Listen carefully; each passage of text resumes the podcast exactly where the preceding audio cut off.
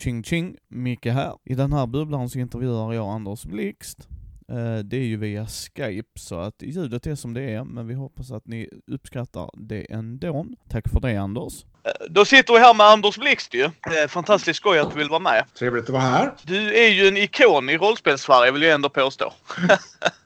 Ja, jag har ju varit här i 42 år. Och i år, i år är det 40 år sedan jag publicerades professionellt för första gången i eh, Journal of Travelers Aid Society. Det var ett, eh, en tidskrift för rollspelet Traveller där jag skrev min första artikel 1979 när, under, när jag gjorde lumpen och hade jättetråkigt. Och den publicerades i nummer 5 1980.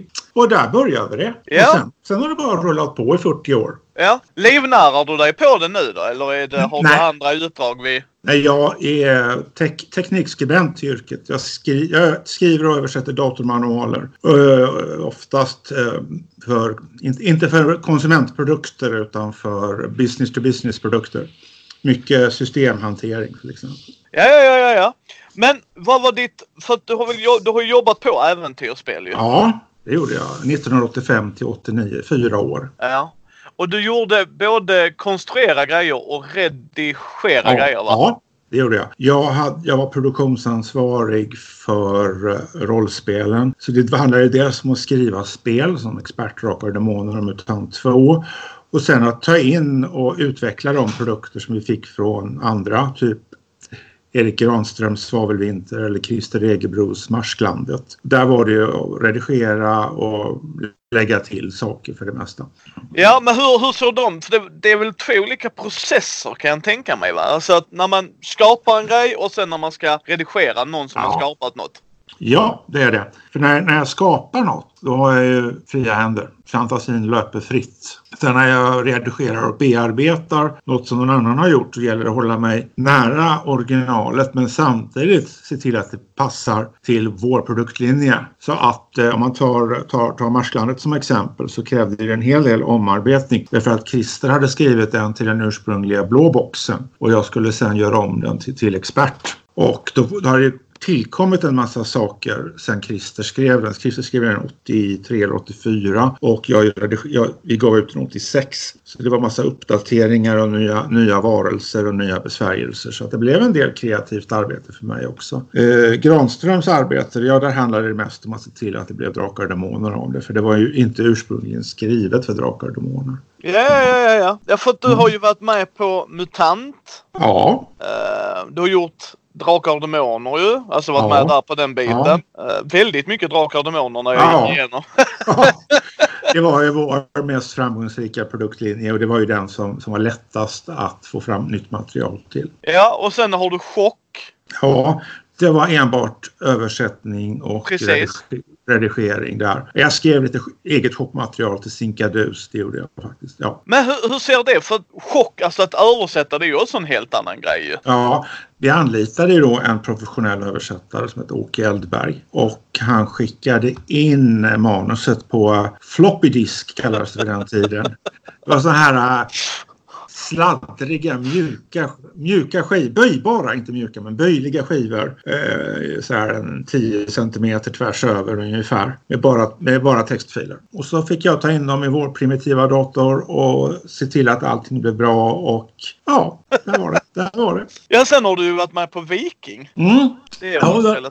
Ja, där ramlade jag in när, när Fabian Fridholm på 90-talet när han höll på och utvecklade Viking. Han ville ha hjälp med spelvärlden så att han hade vissa idéer och han definierade väldigt tydligt vad han ville ha. Så jag och Mats Blomqvist satt sen och skrev en massa bakgrundsmaterial. Det var så här byar och eh, landskap och viktiga personer man kunde råka ut för och förslag på äventyr både, Viki, både i Norden och sen i eh, England, eh, Frankrike, ja, västerled och ja. Sen hade vi planerat en, en österled och ryska floder och Konstantinopel. Men där gick 101 Production, Fabians företag, gick i konkurs så att då, då dog det. Ja, ja, det är ju tråkigt när det Mm. händer tyvärr. Ja, Eh, sen har du ju varit med på Kellartar också ju. ja det var lite bakgrundsmaterial så att eh, där hade jag rätt lite att bidra med. Ja, ja, ja, ja. Och sen Neotech hittade jag någonting om också. Du får rätta mig om jag har fel här. Men... Nej, men jag,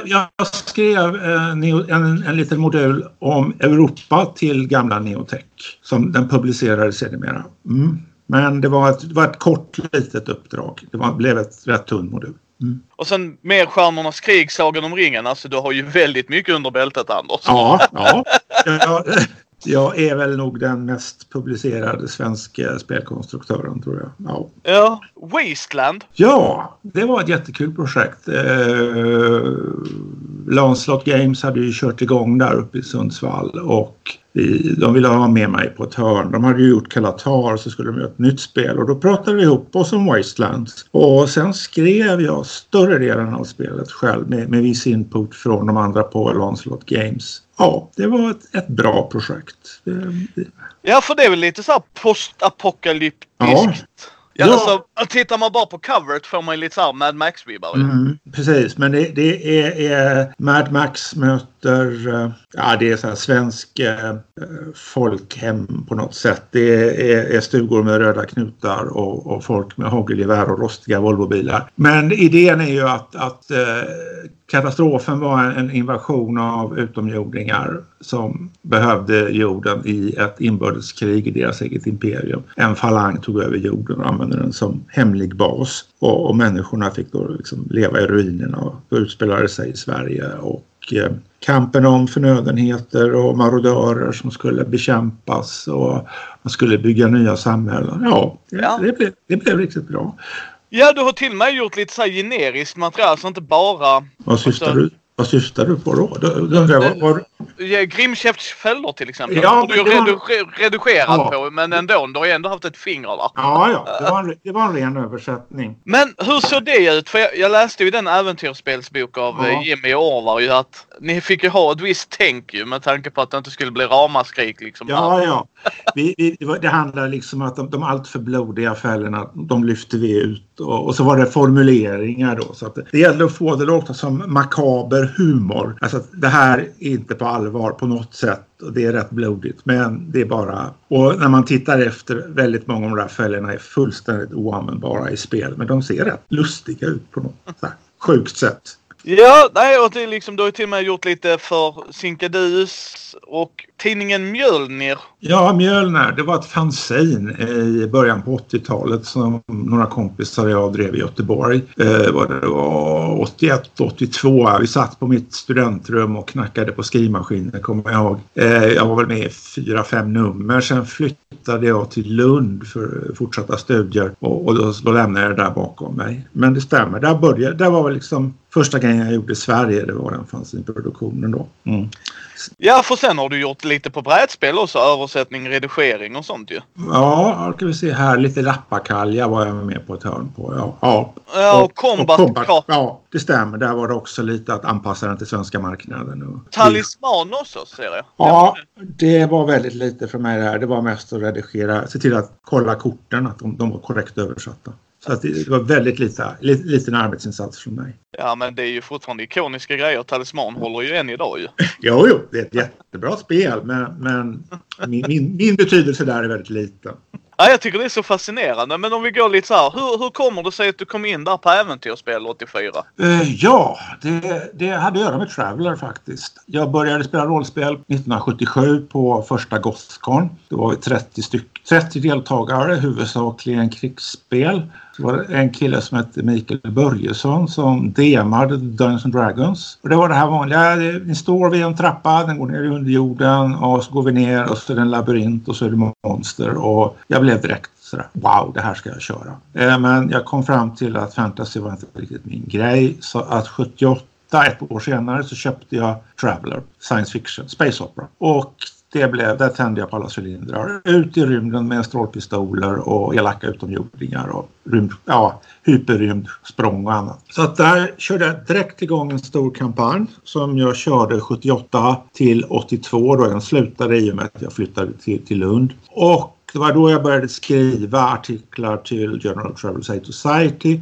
Fick in flera stycken och eh, det gav mer smak. Sen var jag med och arrangerade flera Gothcon kring 1980 också. Så jag var ett känt namn i, i rollspelsbranschen i Sverige. Så eh, i eh, februari 85 tog jag ut min examen från Lunds universitet. Flyttade tillbaka till Göteborg och började söka jobb. Och då fick jag höra att Äventyrsspel sökte en person. Jag ansökte om jobbet. Det var två, två finalister och jag vann. Och det berodde på att jag, jag kunde peka på allt jag hade gjort och visa att jag kan det här. Ja men hur kändes det då? Helt plötsligt spela ett rollspel, jobba med rollspel.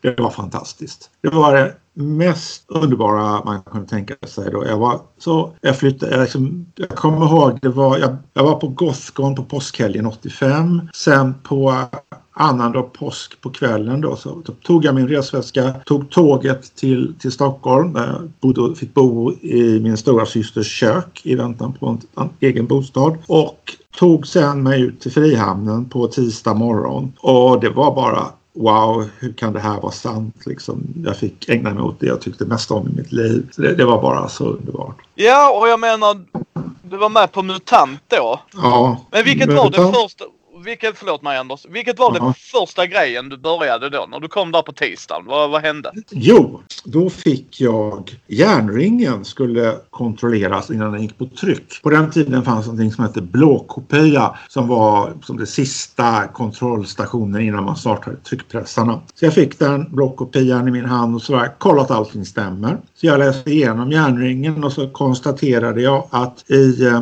texten så står det att skurkens swimmingpool i källaren är halvmånformad. På kartan är den rektangulär. Det var, ja, ja okej, okay, tyckte Claes Berndahl att det får jag fixa där så han ändrade på kartan. Det var enklare än att ändra i texten och sen gick den på tryck. Så det var det första jag fick i mina händer. Sen, kom, sen var det chock, nästa grej. Det var då kom in översättningarna in från Åke Eldberg och jag satt där och fixade och donade med dem. Och, sen kom, och så kom monsterboken. Den hade ju varit puttrat i, i flera år hos, eh, hos Äventyrsspel men de hade aldrig, aldrig haft tid och resurser att göra klart det. Så att det var så här, kan du göra klart det här Anders? Visst. Så på någon månad så att jag skrev en monsterbok och sen blev det expert. Men hur kom du in på mutantgrejerna då? Ja men det var samma sak där liksom att, att, att vi behöver de här grejerna till mutant. Okej, okay, det var bara att sätta sig ner och skriva. Och jag, min inställning var ju det att jag, här, jag, jag är yrkesman, jag tittar på produkter, jag gör något liknande. Bara jag har kaffe så, så går det undan. Ja men det är rätt Anders. Ja det var så. Varenda, jag brukade komma först till kontoret på morgnarna för jag är en morgonpigg figur. Och då började jag med att starta upp kaffebryggan och, och så ta typ två koppar och sätta mig vid datorn och, och börja jobba. Det var, det var det. Ja, för du var ju projektledare och chefkonstruktör på MUTANT efter Ragnarök. Om jag har förstått det rätt. Stämmer det? Ja, det stämmer. Ja, men för det måste ju också vara annorlunda va? Alltså projektledare men när de säger här, redigera. Ja, nej, men det, det där projektledare, då, då är det ju som ansvar för helheten. Och det gäller att sätta andra människor i arbete och få dem att så förklara för dem vad jag förväntar mig av dem och, och sen använda det material de skickar in. Ofta får jag göra om en del av det för att allting ska passa ihop i en helhet. Men där fanns sådana grejer, roliga grejer som när eh, Nisse Gulliksson, Stefan Thulin och Olle Salin satte sig ner i soffgruppen och började spåna ihop idéer till Hindenburg. Massa sådana här eh, barer och bodybombing och suspekta tidningar och annat. De hade så mycket fantastiska idéer så det var bara att tacka och ta emot. Ja men det kan jag tänka mig. Det måste ju varit en annan tid då. Ja det var en annan tid. Alltså, det, var, det var det. Det går inte att jämföra med någonting. Vi, vi dominerade marknaden totalt. Sverige hade fantastiska försäljningssiffror. Jag menar, vi kommer aldrig i livet i närheten av vad vi hade för Drakar och Demoner på den tiden. Nej, för det sålde ju stort ju. Det... Ja, det var ett av världens bästsäljande spel. Fast det var på svenska. Det är liksom det. det, var, det, kom, det var, Dungeons Dragons var ju oslagbart. De kom vi aldrig i närheten av. Men vi låg ju bra till jämfört med alla andra amerikanska företag. Fast de skrev på engelska till den amerikanska marknaden. Säger någonting om hur stort rollspel var i Sverige på 80-talet. Ja, och det har ju fått en liten revival ju. Det ja, jag. det är helt underbart. Det trodde jag faktiskt inte var möjligt. Om man, om man liksom tittar på min blogg som jag har drivit sedan 2011 så finns det en del inlägg där i början när jag skriver om guldåldern och, och tycker att ja, det var fantastiskt men det där kommer vi aldrig tillbaks till. Ack vad fel jag hade! vad bra! Vad skönt det var att jag hade fel! Riktigt seriöst fel. Och det här är, beror ju på Kickstarter och Print on Demand att man kan driva ett projekt. Man vet precis hur mycket pengar man har. Man får in det via Kickstarter innan man börjar producera. För de dyra sakerna är ju tryck. Alltså skriva kostar inte mer än tid. Man sitter vid sin dator och skriver. Liksom, illustrationer, tryck, allt är svindyrt. Men har man Kickstarter-pengarna då vet man precis vad man kan göra och inte göra. Man tar inga risker. Nej precis och du når ju en annan marknad än mm. eh, skillnad att gå till exempel och pitcha för eh, Wizard of the Coast eller ja. Chaosium du vet. Ja, ja. Det har ju blivit lite mer lättillgängligt som du säger. Ja, verkligen. Men hur var det då på den tiden när du jobbade? Hur sågs rollspels ut av kaninöron vuxna? vuxna? förstår du vad jag menar? Jag liksom? förstår, jag förstår precis vad du menar. Jag började spela rollspel när jag var 18 år och jag bodde hemma hos mina föräldrar. Föräldrarna begrep sig inte på det där. Liksom, hur kunde ett gäng tonåringar stänga in sig i vår källare en hel eftermiddag och bara rulla tärningar? Å andra sidan tyckte ju mina föräldrar det var bra för då visste de att vi var inte ute och, och söp eller någonting annat dumt. Men det, det, det sågs som så här kufisk ungdomshobby verkligen. Det, det var, var så här konstigt. Och det var, på den tiden var det väldigt tydligt nischat. Det var eh, medelklassungdomar som spelade killar. Alltså 90% killar, 90% medelklass eh, som satt i, i sina villakällare i, i förorterna till Stockholm, Göteborg, Malmö, Lund och, och rullade tärningar. Och eh, visst, det fanns lite utflippad hysteri där på, på kring 1990 men det blåste ju över. Folk fattade att det här var ju liksom inget allvarligt. Det är lekfullt. Ja, jag, jag menar vi, vi intervjuade ju Gunilla och Mikael på ja. Ju. De ja. eh, hade ju en liten, eh, liten shitstorm där med Kult ju. Mm. Eller inte de, men liksom eh, Hela, hela genren drabbades av kult. Men jag, det var Kult kom efter min tid på äventyrsspel. Jag hade ingenting med det spelet att göra. Utan jag kunde bara se det från åskådarläktaren. Ja, det är det jag ville fråga dig. Hur såg det ut? För jag menar, det var ju ändå din hobby, intresse, även om du kanske inte spelar Kult. Så. Ja, ja, jag tyckte det blev, det blev liksom missriktad hysteri. Jag fick ju en hel del skit för Wastelands i samma veva. Eh, för att Wastelands ansågs vara brutaliserande och att det skildrade den här efterkatastrofmiljön. Men jag hade hela tiden vinklat Wasteland som att man spelade good guys, de som försöker bygga upp de nya samhällena i ruinerna. Man, man liksom marodörer, rövare och så, det är liksom banditer, de, liksom, det är fiender. De ska man hålla borta, det är som orcher ungefär. Och det hade genomgående den vinklingen i spelet så jag kunde alltid peka på det att vad jag skildrar är hur man bygger upp ett demokratiskt svenskt samhälle efter katastrofen och bekämpar de här destruktiva krafterna.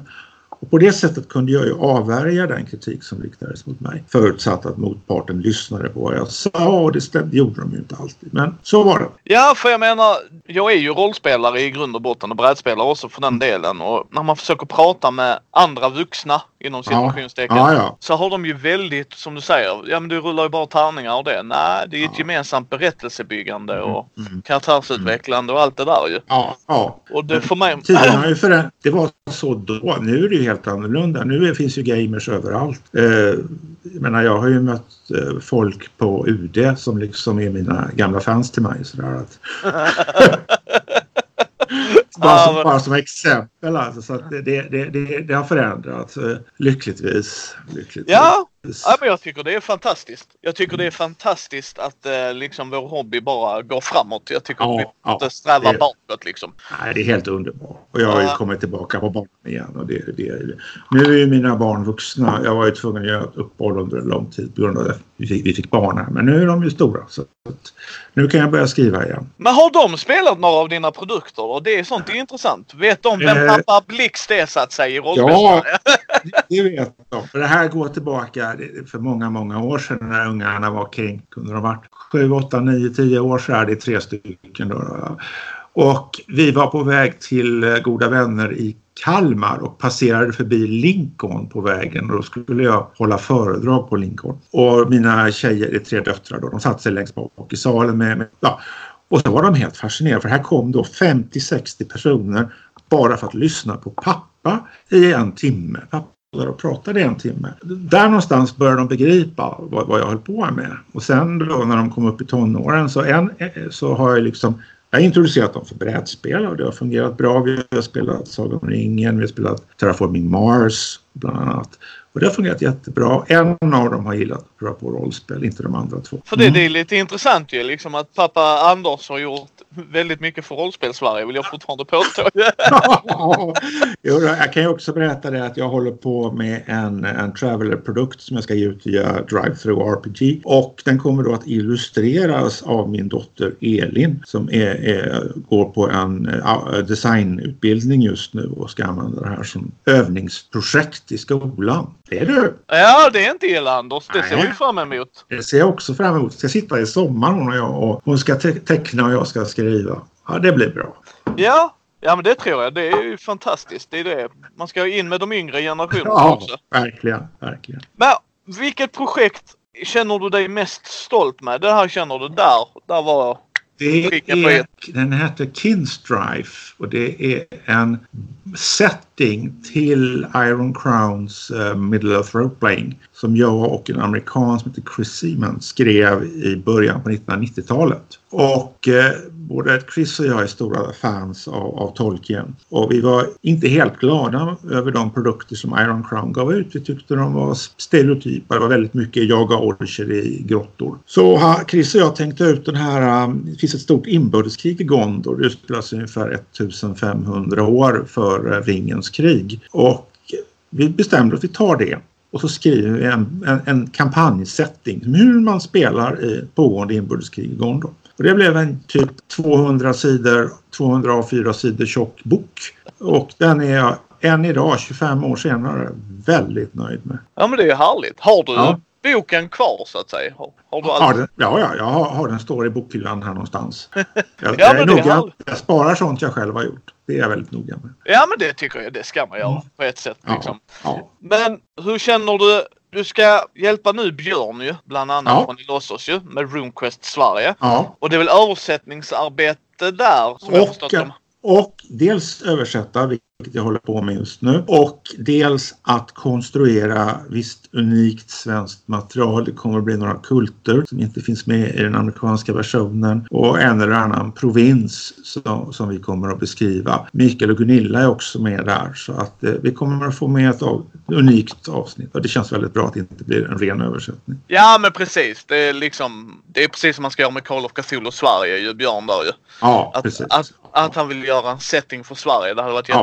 Jättekonstigt om det bara är på amerikanska till svenska. Ja, liksom. Precis, precis. Och det är samma sak med nya chock. Det var ju också så här, det, det, det, det så här, vi går från USA till Sverige. Det blir en rent, rent Sverigeorienterad setting. Ja, har du gjort något på nya chock och ja. också? Ja, då. jag har skrivit ett eh, detektiväventyr som utspelar sig i Stockholm någon gång mellan mordet på Olof Palme och eh, murens fall, alltså mellan våren 1986 och hösten 1989. Eh, det är ett antal personer som har dött under mystiska omständigheter och eh, eh här, utredarna då från SAVE eller motsvarande organisation ska lista ut vem det är som ligger bakom det hela.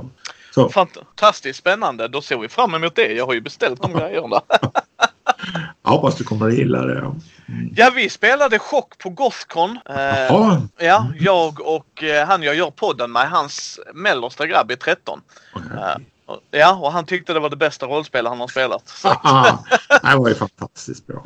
Ja, så jag har köpt en box till han. Jag köpte en extra grundbox som han ska få i födelsedagspresent. Ja men det är ju toppen. Ja. ja framförallt när han sa han ville spela det med sina kompisar. Alltså inte pappa och Micke liksom utan sina. Nej, lyckat! Lyckat ja. verkligen. Ja. ja, jag gillar det. Jag gillar det. Ja. Men då ser vi fram emot det också Anders. Ja då. Yeah. Du har väl gjort lite för fria ligan också om jag är helt rätt Ja, det har varit eh, lite MUTANT eh, platser i eh, den första boxen där eh, som handlade om människomutanterna så skrev jag en handelsplats som var på ett haverera, havererad bilfärja. Och sen har jag skrivit någon sån här motsvarande äventyrsplats, äventyrsplatser i Genlab Alpha. Jag skrev om Järnringen, en ny version då, Macrons bas där också, ja, Hotell Imperator. Och då, då sa jag att jag vill att ni avbildar mig som Macron så jag får, så jag får vara Bondskurk, en riktig James Bond-skurk där.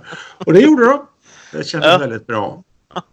Ja, härligt. Ja, men hur, hur skiljer det sig från då när du började på 84 eller där 80-talet och hur ser det ut nu? Hur ser branschen ut? Hur ser arbetsprocessen ut och det? Nu för tiden är det ju massa småföretag. Okej, Fria Ligan håller på att jobba upp sig till, till liksom en, en storskalig producent nu men under många år har det varit små företag, Åskfågeln, Saga Games och så vidare. Och arbetsprocessen har ju varit att de har beställt någonting. De har sagt så här, vi har den här produkten på gång. Vi skulle vilja att du skriver för oss. Vi betalar så här mycket. Vi vill ha så här mycket. Vad kan du tänka dig att göra? Ja, så får jag fundera ut någonting som passar och, och så om de godtar det, då skriver jag det. Så jag producerar bara text nu för tiden. Jag producerar inte hela spel. Men hur känns det då? Är det skönt på ett sätt? Det är det. Eh, jag har varit egenföretagare på 90 eh, och 00-talet. Jag har ingen lust att bli det igen utan det känns väldigt bra att bara att liksom leverera det jag är bäst på. Det som är roligast att göra också. Text.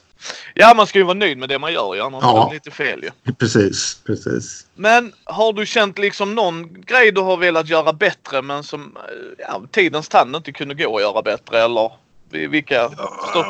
Ja, jag ska fundera tillbaka här. Alltså, MUTANT, hade, jag hade ju en massa idéer om vad man skulle kunna göra med MUTANT. Men så kom ju Järnringen med, med sin MUA då och sen kom Fria Ligan med MUTANT år 0. Så där har jag liksom inte fått en chans i världen att förverkliga mina idéer. För att de, de, har haft sina visioner och det är ju inte mer med det. Det är de som äger produkten så att det är det. Eh, men det finns mycket med ursprungliga MUTANT som jag var med och gjorde som jag idag inte känner mig nöjd med. Men jag kan ju bara säga att jag var ung ung och oerfaren och fick lära mig den hårda vägen. Ja men så är det ju. Ja. Så är det. det fanns ju ingen manual på den tiden. Ju. Nej. Nej, nej, vi var banbrytande här i Sverige. Det var liksom, vi, vi på Äventyrsspel som liksom definierade vad som är svenskt rollspel. Och, och det blev, Drakar och Demoner är ju stämningsmässigt väldigt annorlunda från Dungeons and Dragons. För det är anpassat efter svenska miljö. Ja, men Känner du att du vill prata något mer om det du gör nu tycker jag? Vi... Ja, alltså det jag gör nu. Det är, det, jag satsar ju då. Det är, jag har blivit lejd av Elos att göra Svenska Rundquest. Och det, det, det, lägger jag ett par timmar varje dag på att sitta och översätta. Det rullar på som det ska. Det känns väldigt bra. Sen har jag den här lilla projektet jag håller på med då som att göra en, en, en, en eh, uh, traveler-setting. Traveler, traveler har ju fått någon ny start i, i, i, USA så jag skriver den på engelska. Men den liknar inte den här vanliga eh, långt in i framtiden rymdimperiet utan här är mera nära framtid. Jorden mår inte så bra och människan börjar ta sig ut i rymden och det finns massa konstiga utomjordingar. Så, så att det, det, det, det, är space opera men, men den ligger den den har inte samma storslagna setting, alltså en hel halv galax som, som liksom Traveller har, ursprungliga Traveller har, utan här är jorden och kanske 30-40 parsec. Ja, så det blir betydligt gritty ska det vara. Gritty, gritty. Men för då tänkte jag om det är okej okay med dig om vi går lite på vem Anders är? Ja, visst, visst. Då, då börjar vi med den lite enkla frågan. Uh, vem är Anders Blix då? Ja du, jag är en 60-årig eh, trebarnspappa, bor, lever ett stillsamt liv i en Stockholmsförort. Eh, jobbar som teknisk skribent, översättare, sköter väldigt mycket jobb hemifrån. Spelar rollspel tre, fyra gånger i månaden med mina jämnåriga polare. Vi har varit samma spelgäng sedan 80-talet. 30, snart 35 år i samma spelgäng. Och det är allt möjligt. Vi, vi, spelar alla möjliga slags kampanjer. Just nu kör vi en Star Trek-kampanj och sen ska vi köra en Pirater i Karibien efter det. Och, ja, så ska vi ge oss ut i kinesiska inbördeskriget på 1920-talet. Så vi, vi är väldigt, väldigt mycket historiskt, väldigt lite fantasy. Men i alla fall, det, det, det, är liksom det. Och sen spelar jag en del brädspel då och då. Jag är stor fan av Terraforming Mars. Briljant uh, uttänkt spel.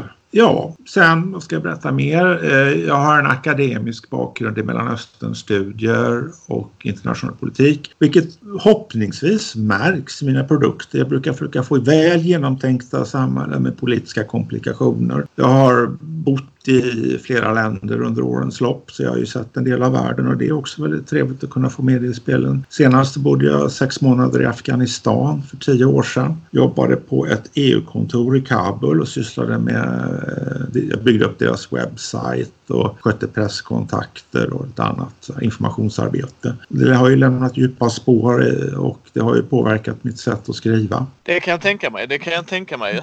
Mm.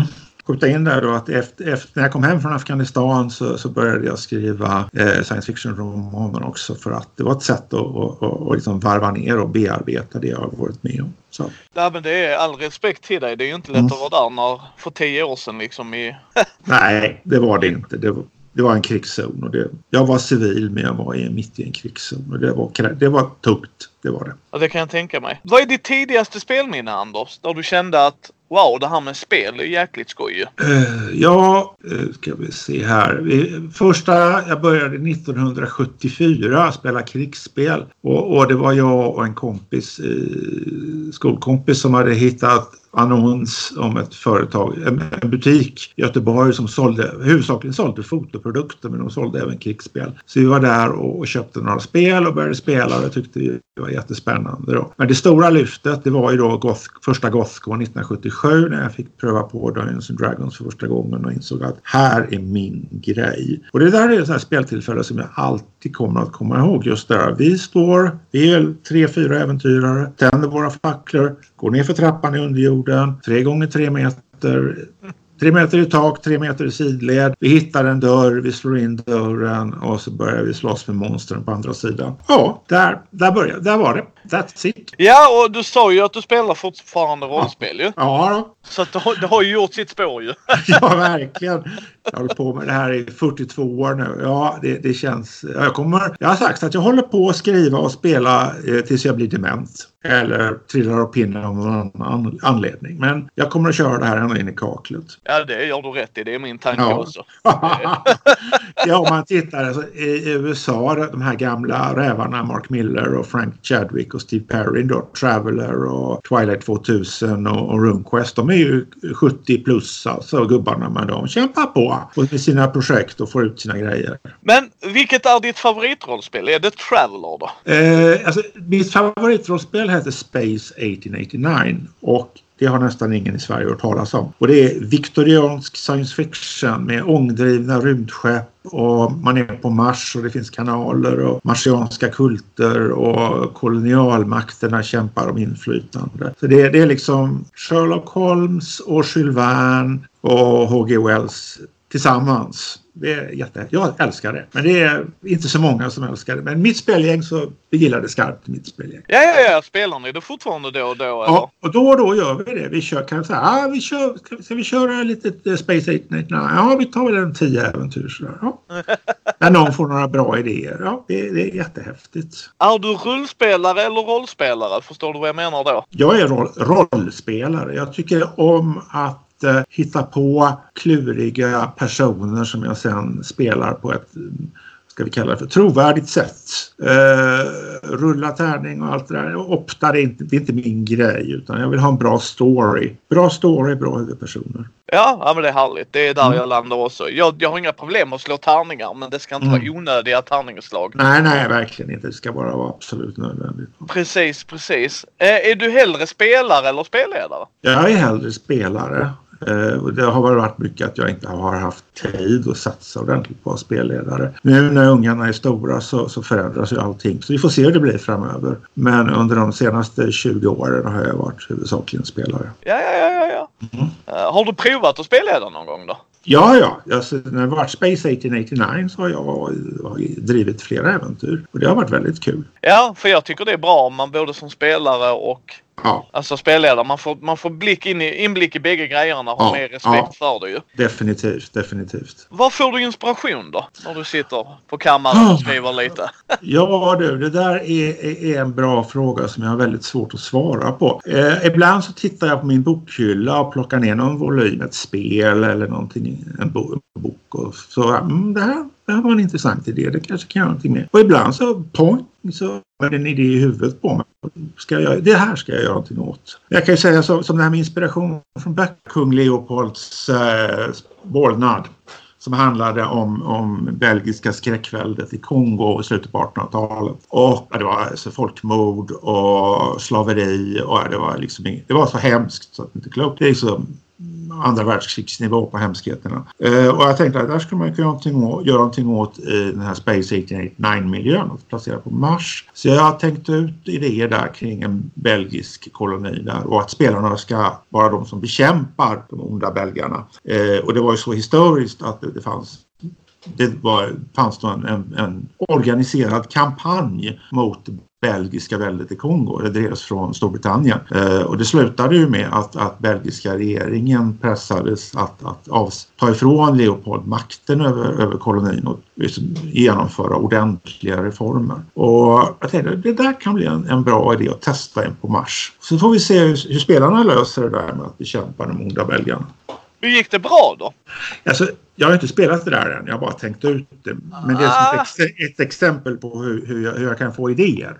Ja, för sånt är intressant. Vad tycker du? Där finns någonting man inte kan ta med? Alltså, om du förstår vad jag menar. Finns det någonting som man inte kan röra i rollspel? Eh, det där är nog en, en, en, personlig tycke och smak. Vi har spelat rollspel i, i andra världskrigsmiljön. Vårt brittiska underrättelseofficerare på uppdrag runt om. Men då har vi ändå, liksom, vissa saker har vi medvetet undvikit. De här fruktansvärda krigsförbrytelserna som, som tyskarna begick till exempel.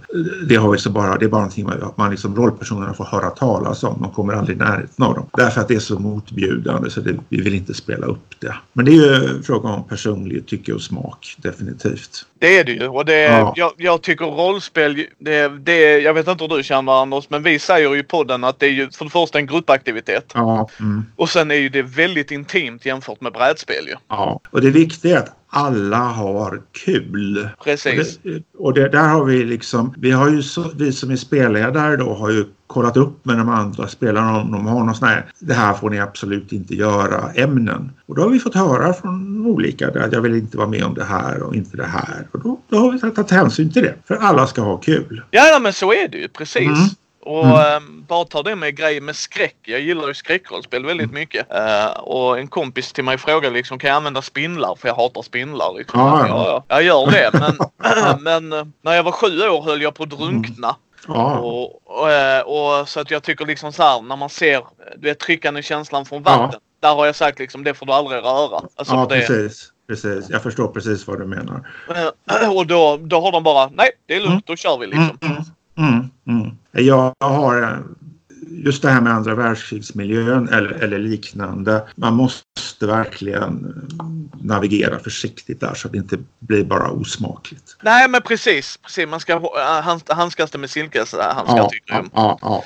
Äh, men du spelar ju brädspel som du sa lite här innan. Ja, ja. Vilket är ditt favoritbrädspel då? För närvarande är det Terraforming Mars för att det är, är, så oerhört variationsrikt. Inget parti liknar det andra. Jag menar, man kan spela 10-15 olika företag och har, man har flera hundra kort att välja på. Så eh, man vet aldrig riktigt hur det blir. Så det, det, är min stora grej. Ja, för är du Eurogamer eller Ameritrash-spelare? Förstår du vad jag menar då? Ja, jag är väl nog mest Euro skulle jag väl tro i så fall. Ja, ja jo, jag skulle nog säga jag lutar väl åt Eurohållet. Jag gillar sådana här bygga grejer. Jag tycker kartan är väldigt kul till exempel. När man ska liksom bygga, bygga upp något och konkurrera med varandra i, i, i Terra Mystica är ett annat sånt där spel som jag gillar. Oerhört abstrakt och man, man vet allt. Man har liksom, all information finns på bordet. Det enda man inte vet är hur de andra spelarna tänker. Det gillar jag. Det är bygga där också. Liksom bygga smartare än, än medtävlarna. Ja men precis. Jag gillar Terra Mystica också. Ja. Och, uh, Terraforming Mars är mitt favoritspel ju. Ja. Vad tycker du är bäst med vår hobby då, Anders? Rollspel? Ja, det är ju det här kreativitet. Att man, jag får utlopp för så mycket kreativitet kreativitet både som spelare, spelskribent och spelledare. Olika sorts kreativitet i varje fall men, men jag kan testa saker som inte går i verkligheten. Jag menar jag kastar besvärjelser till exempel. eller eller, eller, eller um, eh, som i Space 89 där vi under eh, på, i London träffade Sherlock Holmes. Oh. Precis. Och Kaiser Wilhelm och Tyskland träffade vi ett annat tillfälle och, vi var på bal på Stockholms slott med Oscar II.